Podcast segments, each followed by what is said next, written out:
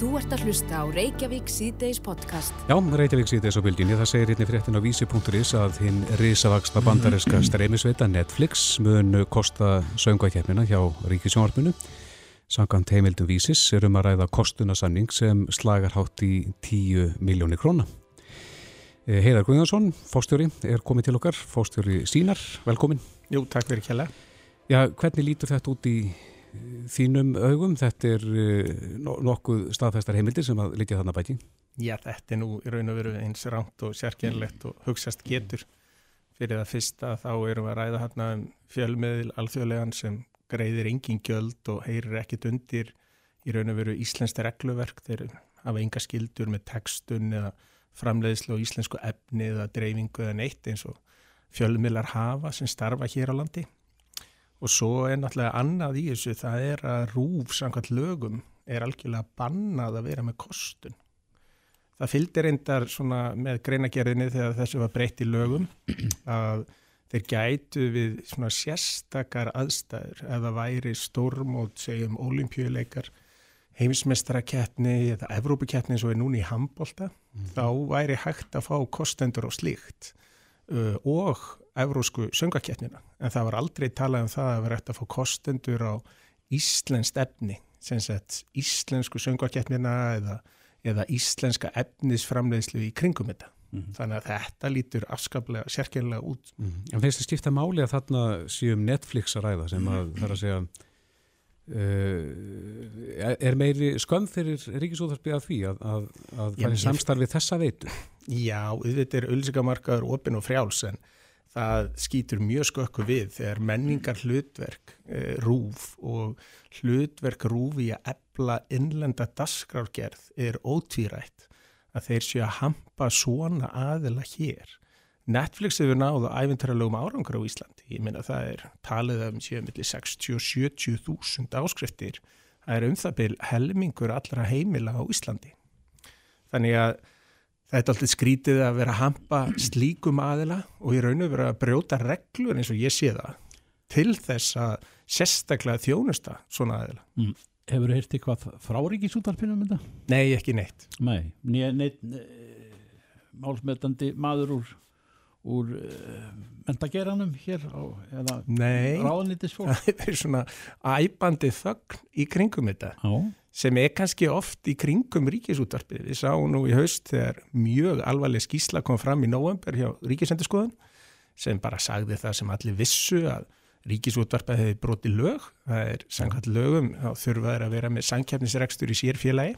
En þeir gerðu það ekki vegna þess að raukstöðningurum var ævintýralögur vegna þess að þá hefðu þurft að borga meiri virðsökarskatt. Mm -hmm. Þannig að þetta með ríkisfyrirtæki sér brítulög til að forða skatteimtu. Og voru það við, viðurlega laust?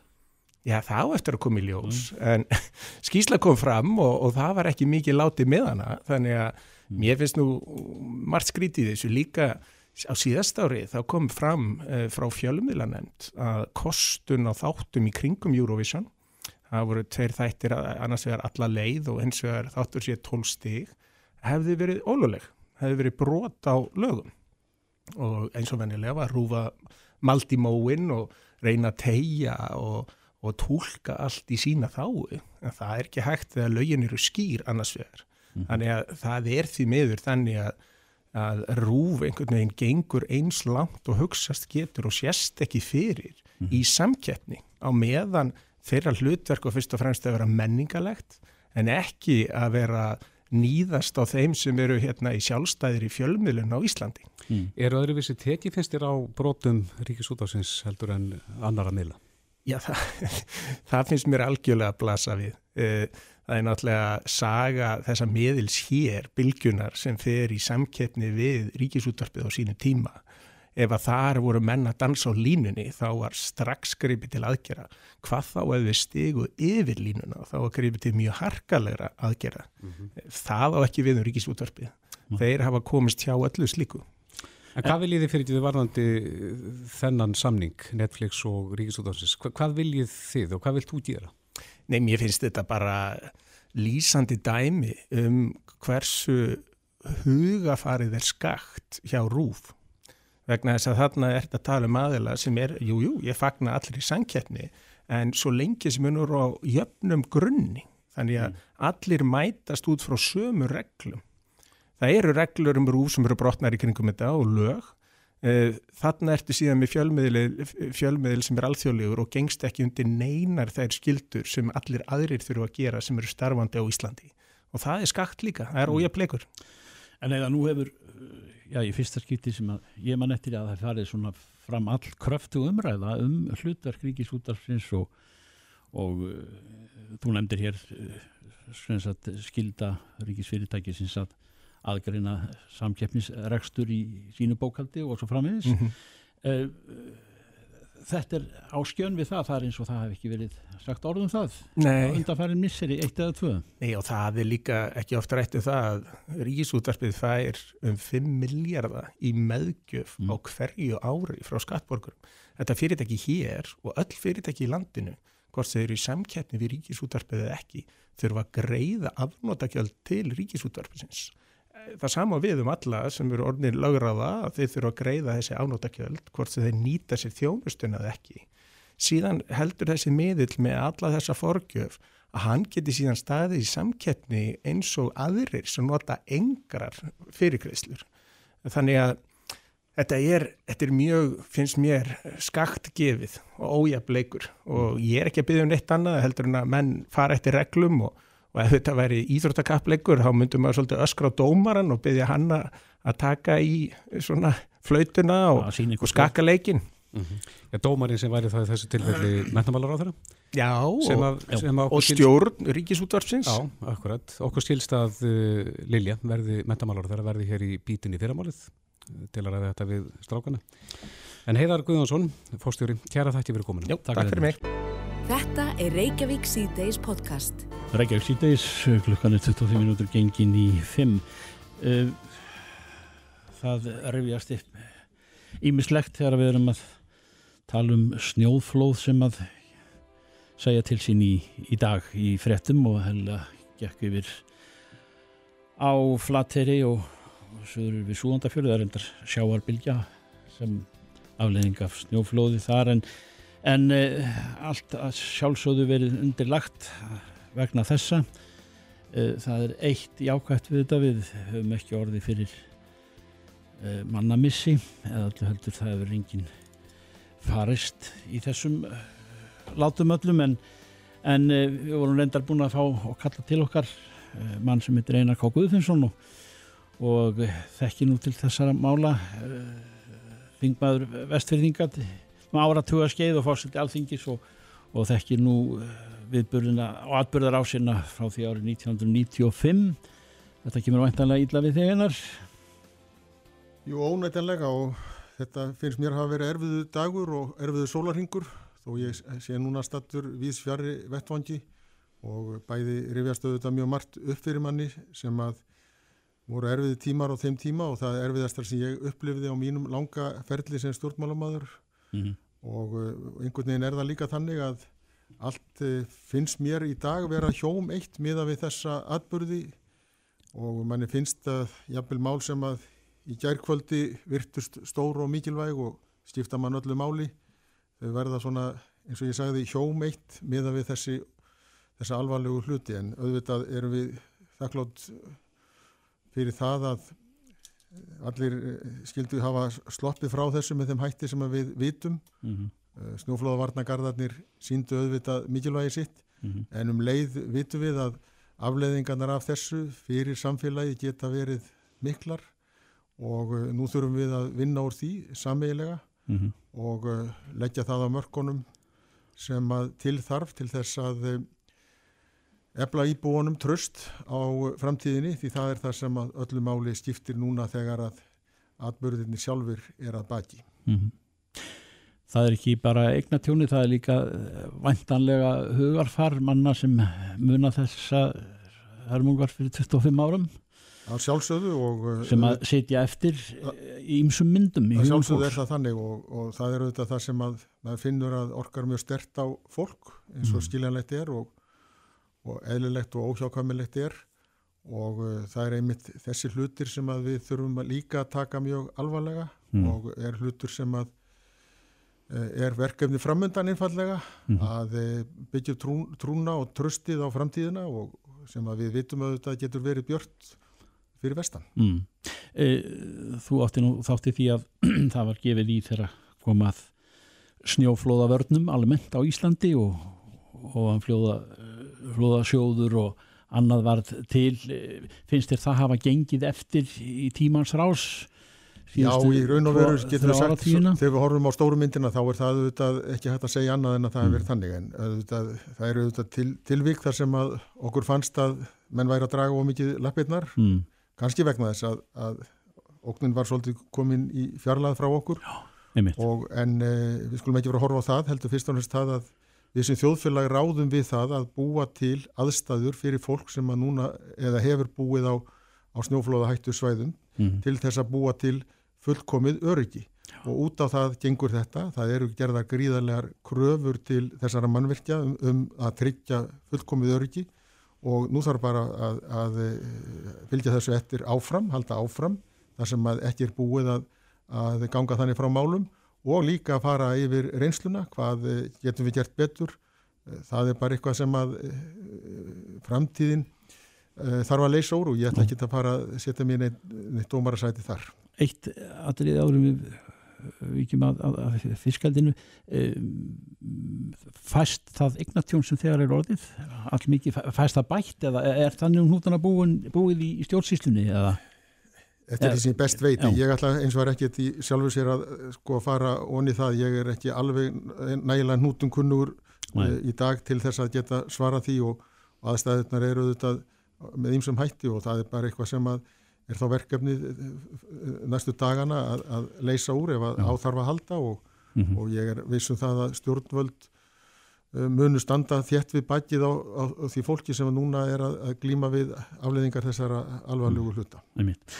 við bundumst fastmælum í gærum að þú eh, kemur við þetta hjá okkur á, á þinni leið eh, út úr höfuborginni að, að eh, að ræða fiskeldi þú nefnir hér von og trú sem þarf að vera á samfélagi eh, eins og fyrir vestan og þeim samfélögum sem þar eru og, og þar kemur fiskeldi sterkt inn.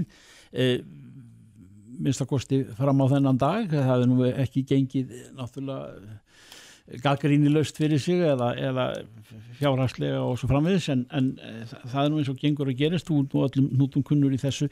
Það var verið að tala um eh, svona kannski ekki alveg heillavenlegan farveg sem þau mál væru komin í samkvæmt máli manna sem rættu við okkur hér í gær Já, það eru þetta þannig að uh, fiskaldis uppbyggingin fyrir vestan og reyndar fyrir austan líka, það má ekki glema því, uh, hefur auðvitað verið að kveikja alveg nýjar vonir í, í þessum byggðalögu sem mörg Mm. hver hafa átt við, uh, þurft að glíma í, við svona, sé, verið, verið eins konar varnar baróttu mm -hmm. og það, er, og það er ekki bara þannig að þetta hafi kveikt vonir, þetta er bara orðið að raunveruleika og fiskaldið í dag er bara gjör breytt frá því sem það var fyrir tveimur árum, svo ég tækir sem dæmi mm Við erum núna komið með útlutnisverðmæti upp á kannski 24-5 miljard á Mhm. síðasta ári. -hmm. Þetta er orðið svona svipað eins og helmingurinn af uppsjávarveiðinni. Þetta er álíka og, og uh, venjuleg svona loðnu vertið var að gefa okkur. Þetta er með öðrum orðum farið að muna um þetta í, í þjóðharslegu tilliti en ekki síður í byggðarlegu tilliti. Það eru hundruðu starfa sem að er á bakvið þess, þetta út um uh, landsbyðina, öst, fyrir austan og vestan Mm. og raunar víða og og við þurfum að bara taka lítil dæmi það þekkja allir þróuna sem hefur verið á sunnanverðum vesturum, þar sem byggðin hefur verið að rétta svo rækilegur kútnum Eh, við, það var núna á dögunum verið að segja frá því að djúbuvor, þar sem er heilmikil eh, eldisvinnsla úr lagseldi, þar hafi íbúum fjölgað um 20% frá 1900, 2015 Mm. og við, ég var einmitt að fara yfir þetta í huganum núna í gæriða fyrradag að þó að fiskeldið á vestfjörðum sé bara bundið við sunnanverða vestfjörða þá held ég að, hver, í, að þeir áhrifina með beinum hætti í störfum gæti í hverju einasta byggðarlegi alveg sem, leið liggur frá Patirsfyrði í- á, á söðurfjörðum vestfjörða eh, um, um, um byggðirnar Ísafjörðabæ og, og Bólungarvík Mm. Súðavík í djúpi. Jafnvel þó að eldi sé ekki komið þangað ennþá. En það, það er kannski regluverkið eh, eins og þetta er jákvæmt eins og ert að segja að ný, ný atvinnugrein er sprottin upp og, og já, gefur af sér nefnir 24-25 miljardar Þa, það er þegar kemur að, að leifisveitingum, kvóta og aðrar aðrar, að annað svona greiðslu fyrirkomulag í, í, í rekstri og uppbyggingu svona fyrir breyðis að það lend ekki í, í heima höfn þar að segja þetta er, þetta er eign norðmanna sem að sem að noti nú svona innihald þess sem að við mannandur sögðu í gær að, að þeir, þeir flýja hinga þar sem þeir fá, fá að aðtapna sig fyrir ekki neitt Já, ég held að þetta sé svolítið miskilningur sem þarna er í gangi og það þetta þannig... Hvernig, hvernig gerum við það? Ég, ég skal gera það, ég skal útskýra þetta. Sko í fyrsta lagi er þetta ekki þannig að normin hafi alltaf uh, innheimtið gjald fyrir leifi til fiskeldis. Mm. Þeir voru konur upp í 3-4-500.000 tonn ára þeir fóru að gera það. Það var ekki fyrir að þessi grein var orðið svona gríðarlega stór sem þeir fóru að innheimta gjald. Og við skulum bara taka sem dæmi að uh, í samkvæmt svona þangat reglu Haframsvárstofnar um, um, um, um áhættumat þá má ekki ala nefnum 70.000 tonn hér á Íslandi og ég er að tala um að, að normen byrjaði að rukka þegar var kom, komið 3-4-500.000 tonna framlýslu. Hér á landi er það þannig að við höfum verið að borga í svo kallan umhverju sjókvíaldis held í frá árinu 2016 það var tekin ákvörðinu það með, með uh, lagarsetningu á síðast ári að auka þessa gjaldheimtu um 66% sem að tók gildi núnum síðast áramót. Núnum áramótin var líka byrjað að innheimta sérstatt gjald til viðbótar við aðrar greiðslur uh, fyrirtækjana til hins ofnbyrra, Sveitafélag og Ríkisins, innheimta sérstatt gjald, einhvers konar auðlinda gjald ef við getum kallað það svo. Og það er hugmyndina, það hækki núna í áfengum á næstu árum og þegar að það verður komið þá verður þetta farið að muna verulega um þetta í spæði fyrir skattegjur ríkisins og, og svo framvegis. Þannig að það er einfallega ekki rétt að, að hér sé ekki verið að, að innheimta gjald, það er verið að gera það. Svo má ekki gleima því að það er eðlis munur á leifonum í Nóri og hér. Í Nóri er það þannig að menn, fá, menn kaupa með einn greiðslu, nú orðið, þessi, þessi leifi og greiða fyrir það, það eru varanleg leifi. Mm. Uh, hér á landi uh, greiða menn hins vegar árlegt gjald fyrir afnótarétt sem er til takmarkas tíma. Þannig að þarna er alveg reginmunur, þannig þannig er eðlismunur á þessu. Þannig að það er ekki þannig að, að Íslendingar séu hér að, að með, einhver, einhvern útsölu markað eins og hefur látið í veðri vaka. En þetta, þó að þetta sé mikilvægt og þetta skiptir máli fyrir ríkið, sannarlega, að fá þessar viðbótar greiðslur þá eh, má ekki gleima því að umsvifin sem að þessi, þess, þetta eh, fiskeldir farið að skapa 25 miljardarnir verða eftir í margskonar mynd þeir verða eftir í því að það er verið að borga laun og það er borgað skattir á því, mm. það er verið að borga fyrir alls konar þjónustu og svo þjónustu að dreifist um allt landi, þetta er gríðarlega fjölbreytileg þjónustu sem verið að borga fyrir, það er verið að standa undir mhm. fjárfestingu mm. og það má ekki gleyma því að þessar fjárfestingar eh, skipta 20 miljardar króna og auðvitað verður að standa undir þeirri fjárfestingum. Skil... En áttu við einar að, að, að, að baklandið er ekstralega að sé að það, eigi eftir að eh, koma kvóti á þetta þegar að þegar að, að þessi starf sem er tiltöla unga er komin á legg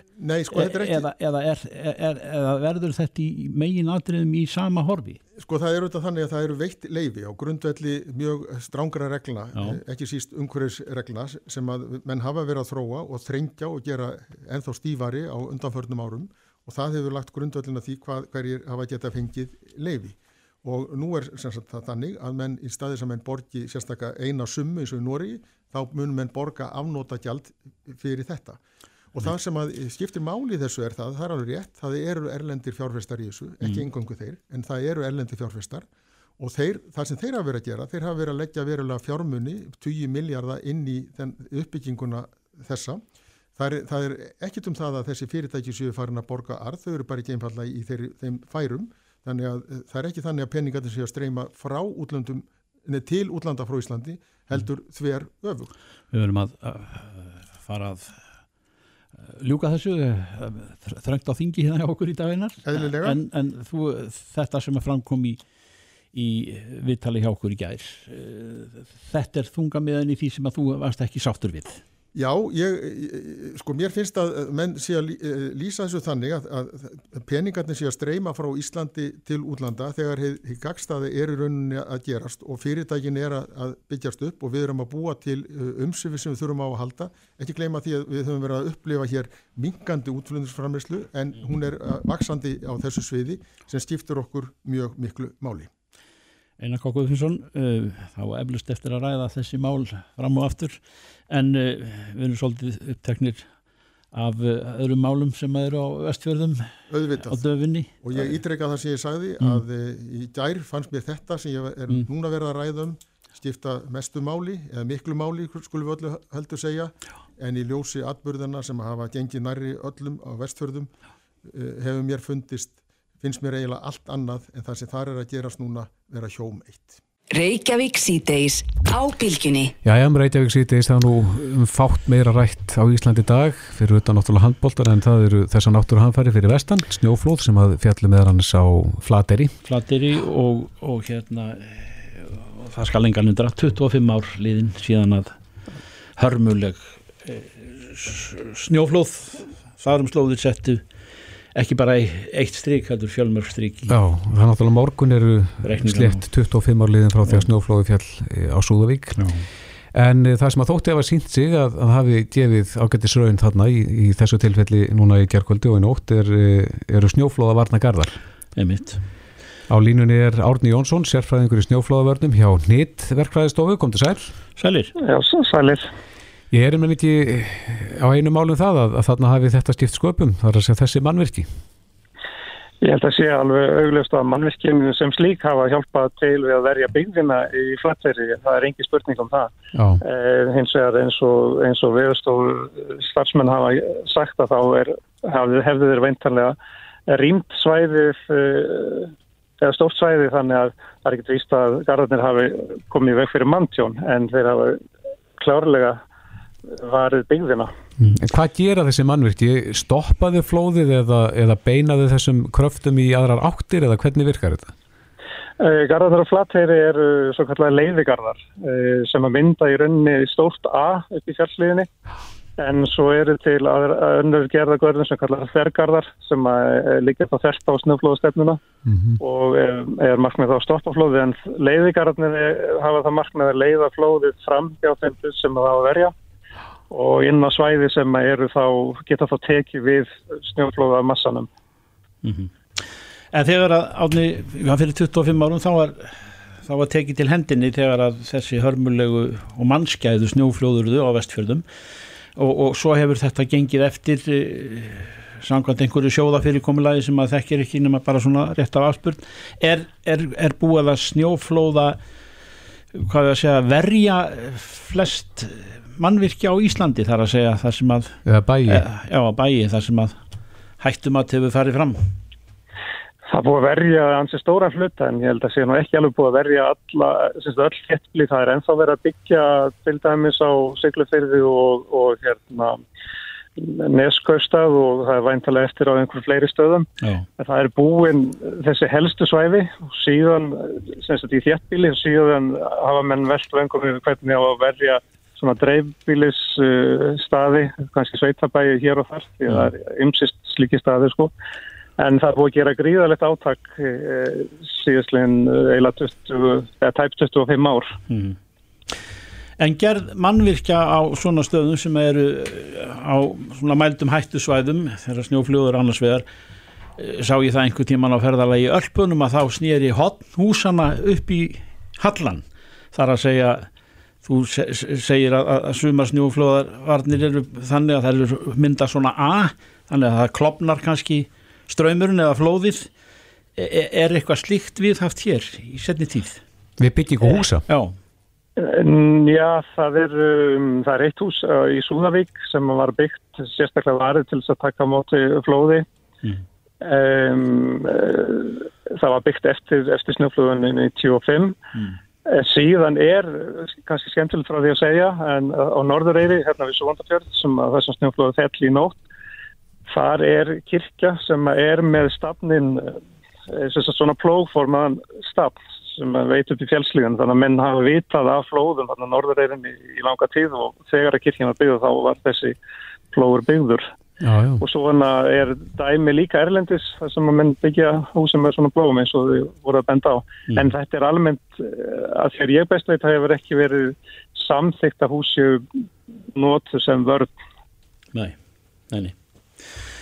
Já, og uh, það er eflaust þegar, þegar litið til þessa svæði sem er í, í fréttu núna, flateri kannski, það sem þetta var mest og stendur enn yfir eh, en það hættu stig, uh, er, er hægt að bæta það, uh, þau mannvirkir sem að, og þá garda sem að hafa verið settir þar upp, er, er, er þetta endanlegt samkvæmt einhverju ákvörðun frá því fyrir á tíð? Sko mannverki var á sinu tíma hannan með að við þá þekkingu og, og þann búnað sem við höfum til þess að sko eh, ákvaða á, ákvaða stærði flóða og, og stærði garda. Núna hafa menn komist lengra í, í hérna þekkingunni mm. og ég hugsa að þetta verði mjög lærdómsrikt það sem gerðist núna. E eitthvað af flóðunni hefur farið yfir gardin og þá kannski velta menn fyrir sig hvort að þurfa ekki endur bæta eitthvað en í þessu tilfelli þá eru gardarnir sagt, í svo kvöldu úthlaupssvæði e, neyðri við byggðina en svo er hægt að verja líka uppi við upptakasvæði mm. en oft á tíðum eru slík mannvirki mjög dýr við sjáum þau mannvirki á Ísafyrði og Siglufyrði og, og Neskostar en, en ef að menn ætla að verja eitthvað þá er hugsanlegt að gera eitthvað svoleis en, en þetta verður eitthvað verkefni sem að uh, bæði viðstofan og, og aðri ráðgjafar setjast yfir núna í framhaldinu. Hvað, hvað er svona snjóflóðavarna gardur hár?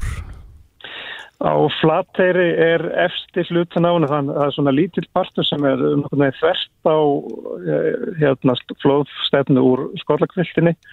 Hann er um 20 metra hár og síðan lækkar hann niður og er ef ég mann rétti 16-17 metrar eh, svona miðjar, miðjar hlýðina. Já, þetta er svolítið hátt og ábyrgandi.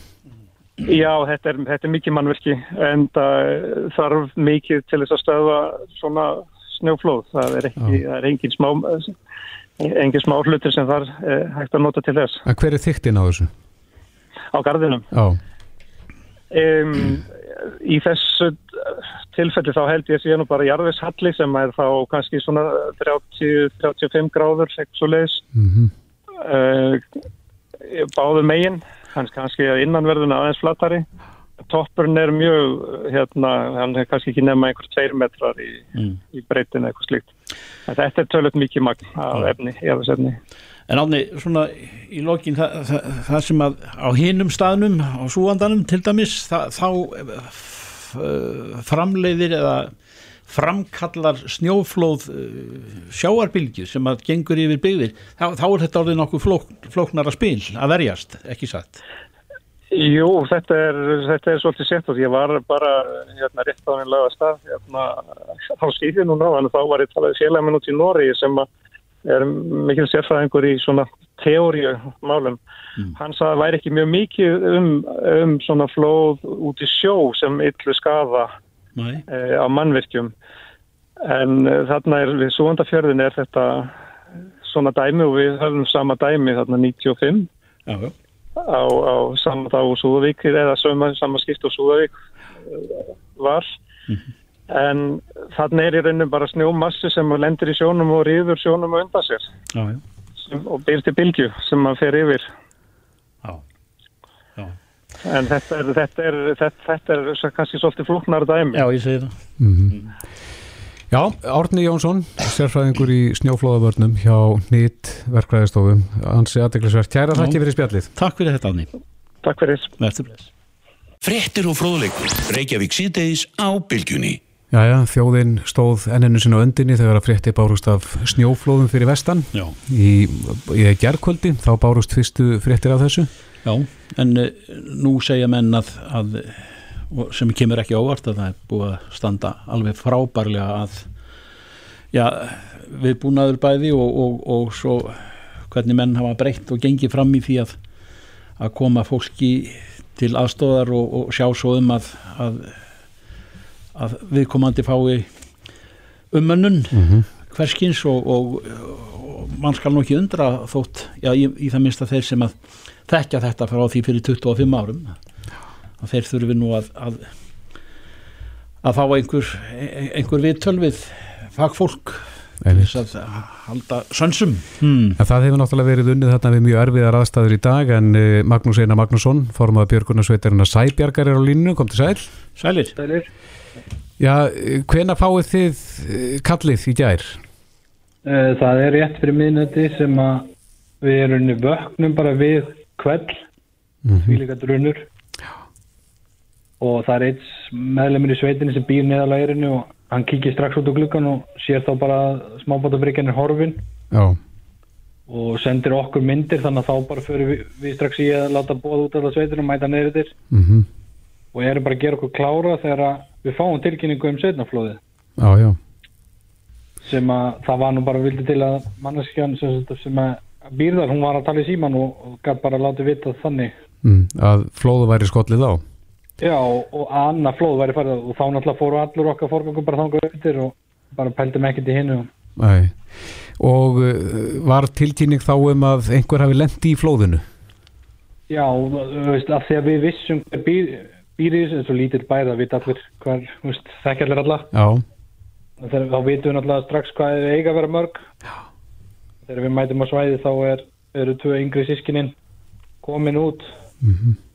Og, mó, og mó, mamman uh, leiða við koma að húsinu og segir hún okkur nákvæmlega hvar herbyggi þennar er eitthvað sem er tínd þannig að okkar fárgangur í Móksturíkant fari bara beint í það herbyggi mm við þurftum ekkert að leita í húsinu sko. Var húsið á kafi í snjó eða sáuði hvar flóðið hafi brotið sér leið í gegn?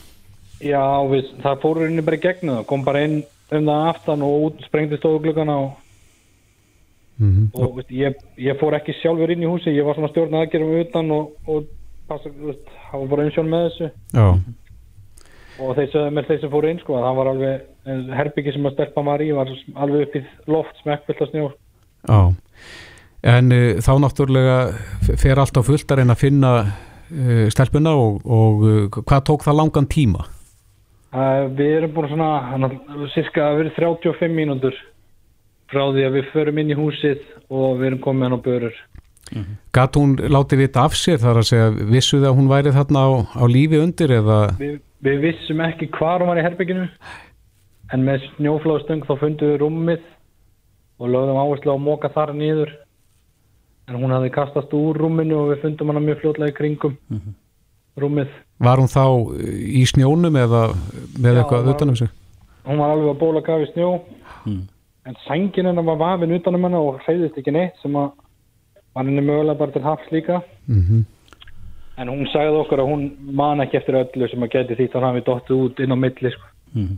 er, eh, veit maður ekki um þetta, er, er blöytt í svona snjó sem að kemur á hann er alltaf búið að kingja rosalega niður síðustu Já. bara af púðri og svo þegar flóðið fyrir á stað þá myndast það mikið núningur út af massanum og þegar hann lendir á húsinu og fyrstu menn byrja að móka þá er þetta bara púður Já.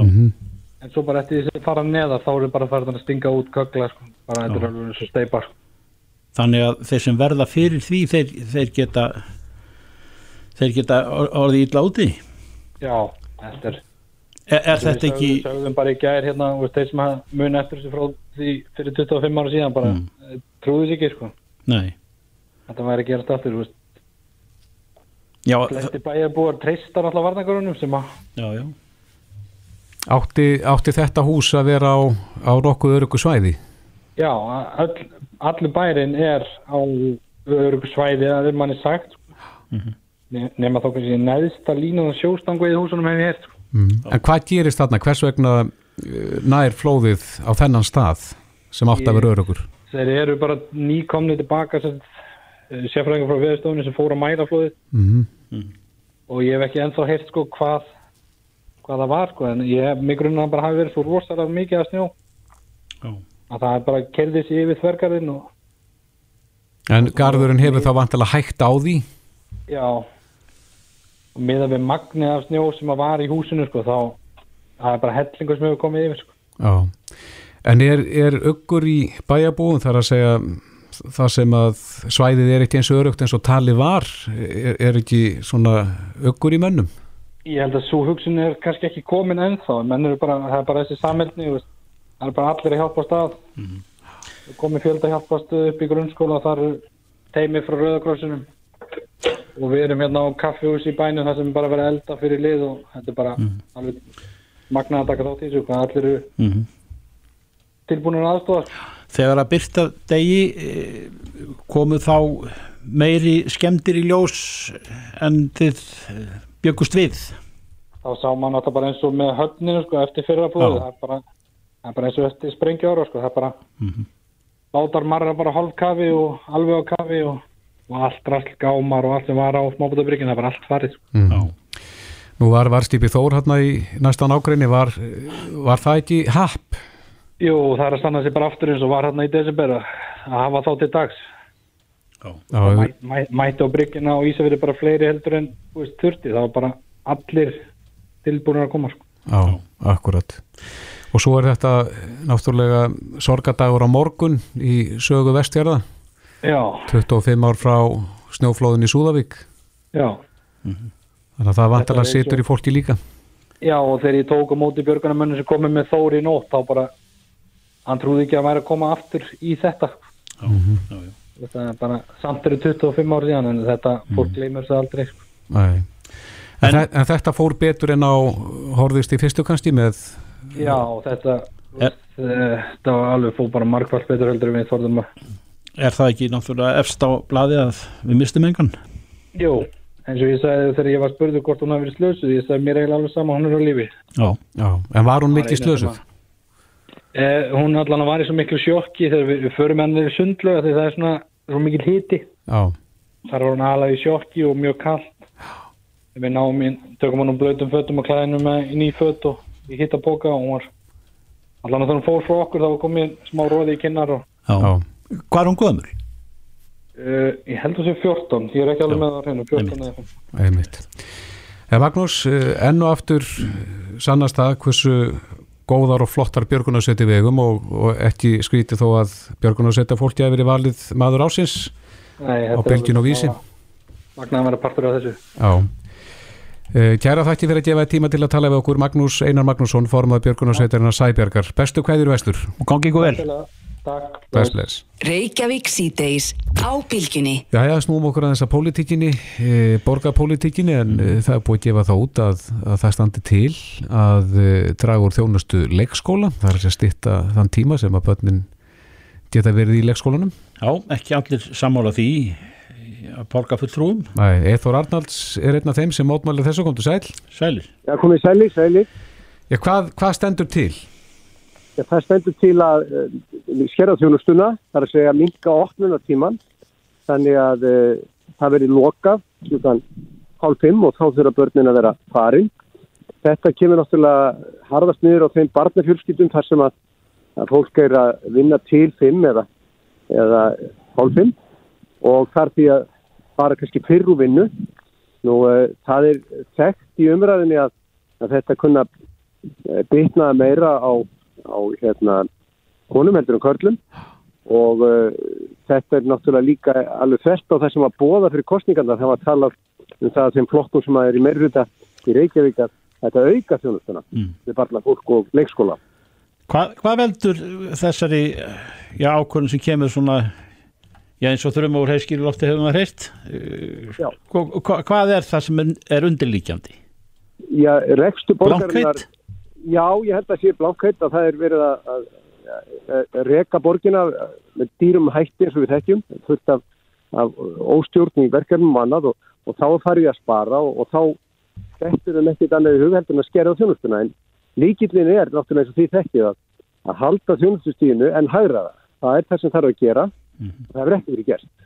Ó, en e, e, þetta hefur ekki sem sagt verið í neinum undirbúningsfarvegi þannig að, að menn, menn eru sátt, er þessu bara skellt á? Já, sko þetta hefur rætt í hérna meðal leikskólastjóra og, og, og starfsmála borgarinnar mm. en eh, fóreldrar og barnafjölskyldunar hafa í raun og verið ekkert verið með í ráðum og svo náttúrulega kjósendur sem kursu þessa blokka þeir eru náttúrulega margir hverjir mjög hissa því að það var búið að það er því aukinn þjónusta í leikskólanum en, en þetta er alveg þeirra auðvögt. Já. Ég held að uh, síðan reyna menn að ruggla umræðan og segja að börnum ekki verið leik, lengi í leikskóla en sko viðvera hvers og eins barns er annan mál. Hér eru við einfallega að tala um opnunatíman.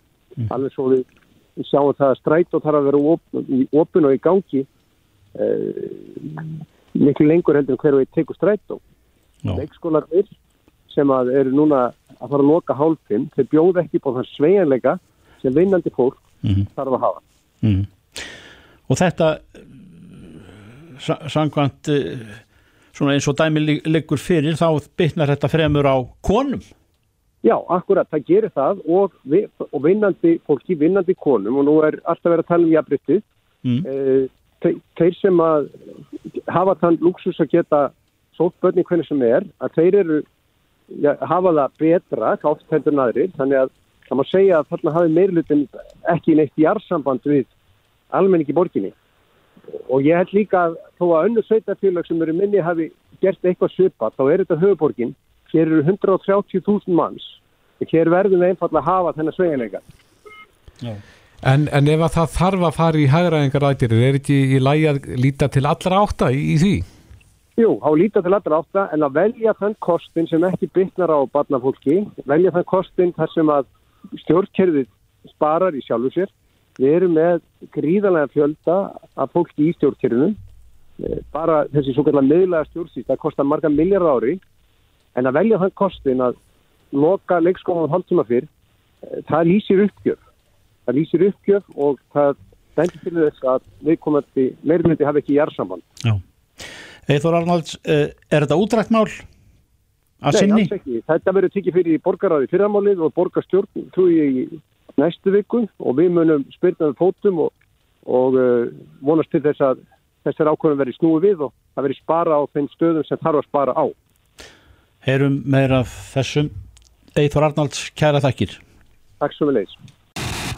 Send okkur tölvupóst reykjavík at bilgjan.is Þorgir, er, er búið að taka hálstýrlan úr þér? Ég var nú að hugsa það Í, í raun og veru hef ég ekki hugmyndum ég man ekki eftir, ég hafa það verið gert en, en ég man hins vegar eftir þessu þessari spurningu sem að maður svona innan fjölskyldunar Já. frá barsaldri það er þó ekki búið að taka úr þér kirtlana Já, já, mínir voru teknir e, þegar ég var hvað, svona fjóra-fimm ára. Já, ég held ekki með mig en, en, en þetta var algengt að maður heyrði af þessu. Einmitt og maður heyrði líka sögu af íslenskri móður út í Nóri sem að stakk upp á því við norskan lækni að, að hérna, hálstýrlarnir eru teknir úr barnunennar mm. og hann bara krossaði sér læknirinn og, sagði að þetta væri bara gert í já að taka hálstýrlan en við eigum stils mér eitthvað met og höfum átt eitthvað met í hálstýrlatöku í gegnum tíðina. Á línunni er Hannes Petersen hálsnegu eirnalæknir á Akureyri, komdu sæl. Sælir. Sælir, sælir. Er það ennþá þannig Hannes að, að við eigum metið í þessu? Uh, ég veit það ekki en uh, mér finnst það trúlegt. Já, af hverju er þetta svona algengt hér? Það er kannski ekki ein, ein hlýtt skýring á því en ef til við það sem kannski er, uh, já, stendur upp úr er aðgengi, einfallega aðgengi sjúklinga að uh, hálsnú eirnalega.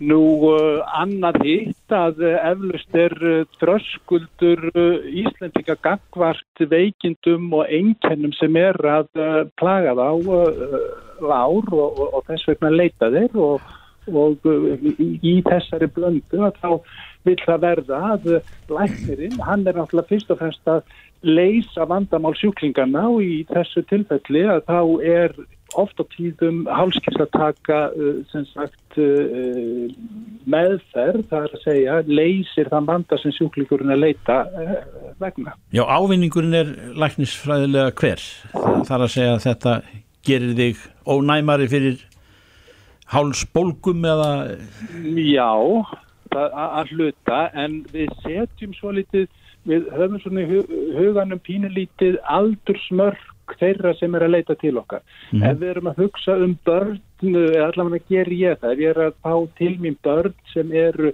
undir eða yngri en 12 ára og jáfnvel svona kannski á aldrinum uh, tveggja til sex ára, þá er ábendingin oftast svo að uh, kirtlarnir eru það stórir að þeir eru að trubla barnið að nóttu, barniðin er rótur, það sefur ekki vel, það er órálegt í rúmunu, það er á fullri ferð, það jafnvel pissar undir, krakkar sem áður voru með næburþurðir eru þarnir að pissa á sig aftur, þeir eru treytir í skólanum, þeir halda sig frá leik við jafnaldra, eru treytir, þeir koma heim og sopna í gerðnan auðveldlega.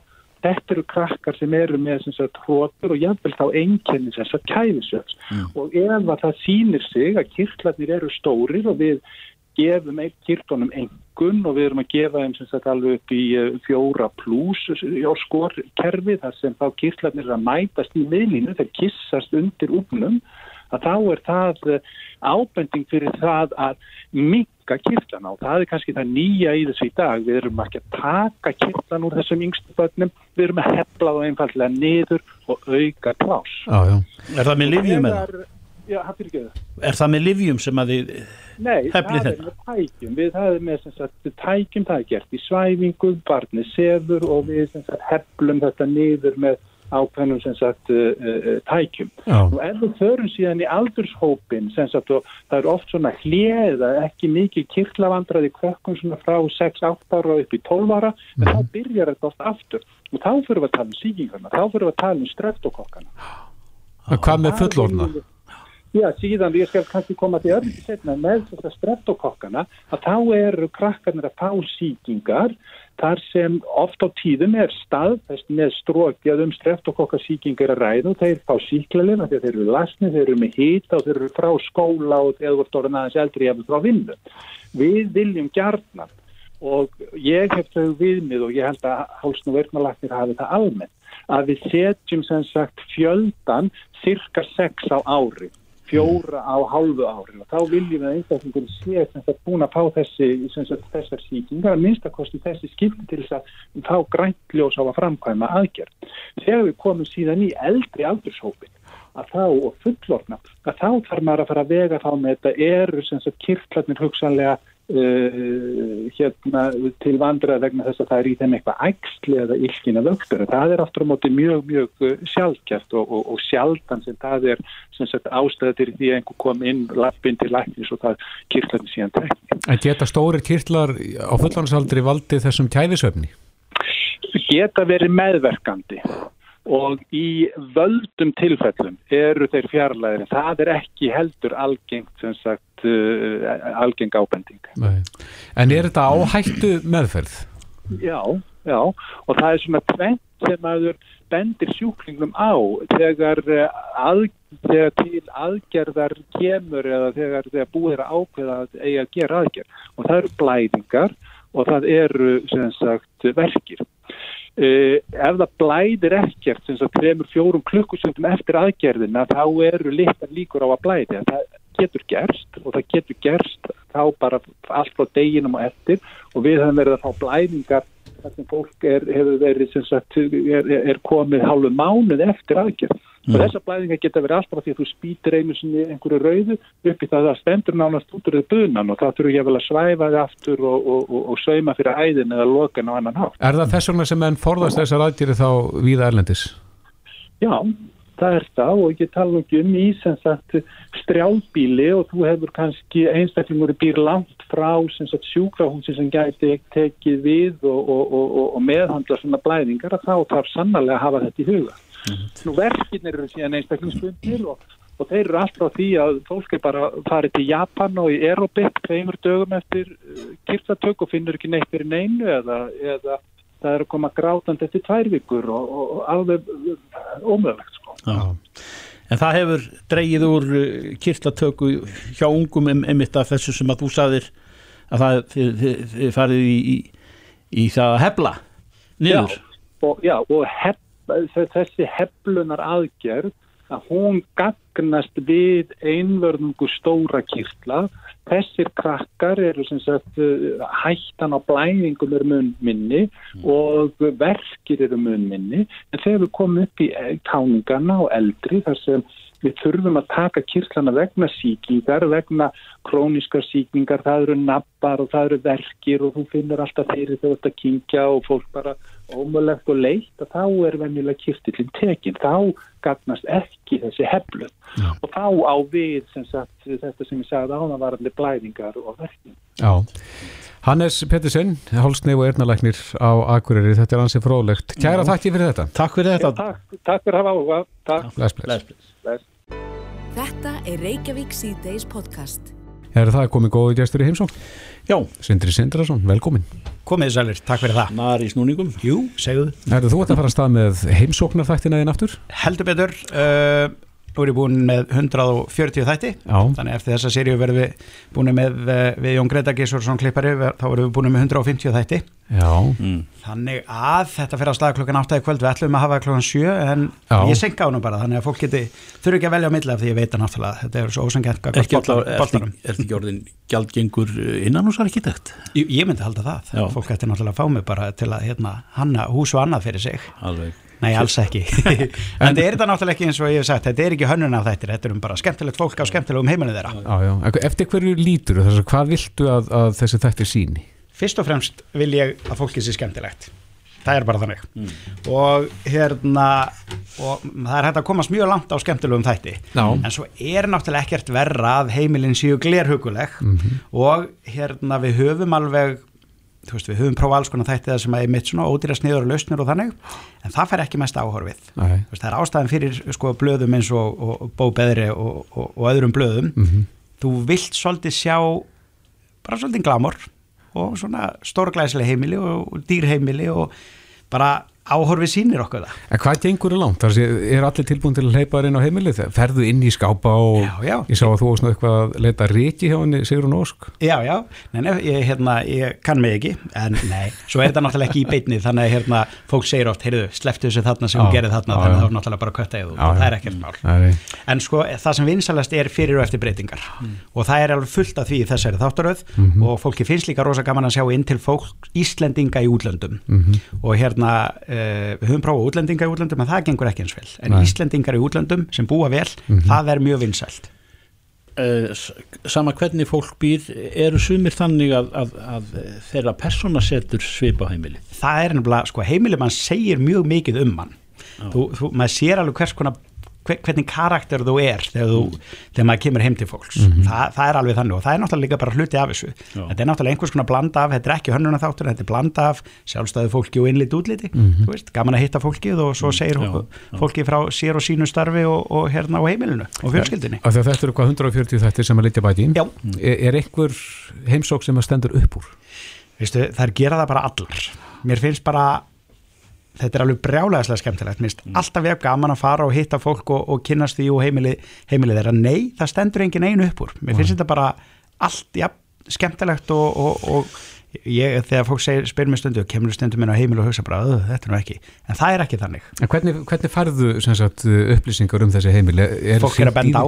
Já, vinir þá eða? Já og bara einmitt hérna bara í fyrirtækjunni er fólk að benda á vini Já, já. og vinkonur og sem eiga skemmtileg heimili og þú veist þannig maður er alltaf að spurja fólk og svo einmitt eins og í þessari serju ég fór til einnar í heimsókn og hún bendi mér á tvær og ég fór til þeirra Já, já. þannig að hérna, já Þetta er sem sagt jafn fjölbreytilegt og mannlífið er það er bara algjörlega þannig sko Mhm. og hérna uh, eins og ég segi við fórum á stað fyrir einhverjum nýju serjum síðan og þá hugsaði maður ok, ég prófa sex þetta verður kannski eitthvað kjánalegt en kannski virkar þetta Mhm.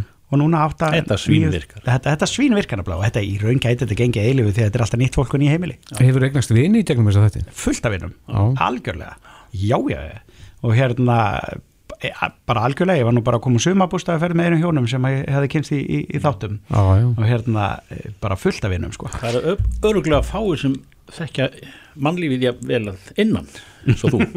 Þú ert ég það með segjum, segjum marga fjölmjörnum sko. en þetta er bara alltaf eitthvað skemmtilegt og ég hlakka mjög mikið til að sína þessa serju því að það eru bara allir þættirnir eru góðir. Þeir eru allir skemmtilegir að mínum mati og byrja klukkan 8 í kvöld á stöðu 2 og ég bara mælu með að fólk horfi. Verða þér alltaf klukkan átta? um, kannski munum við breyta yfir í tímindri við sjö en þetta er bara stór fréttadagur og Já. þetta er stór boltadagur. Þannig að það var svona plani fyrst. Við ætlum að hafa allavega þennan. Mhm. mögulega, mögulega verða næstu það fyrir eftir hvernig boltin spilast líka svolítið sko. Já, já, akkurat. En í kvöld en allavega á miðugundum Já, klukkan átta. Klukkan átta. Sindri, takk fyrir komuna. Takk fyrir mig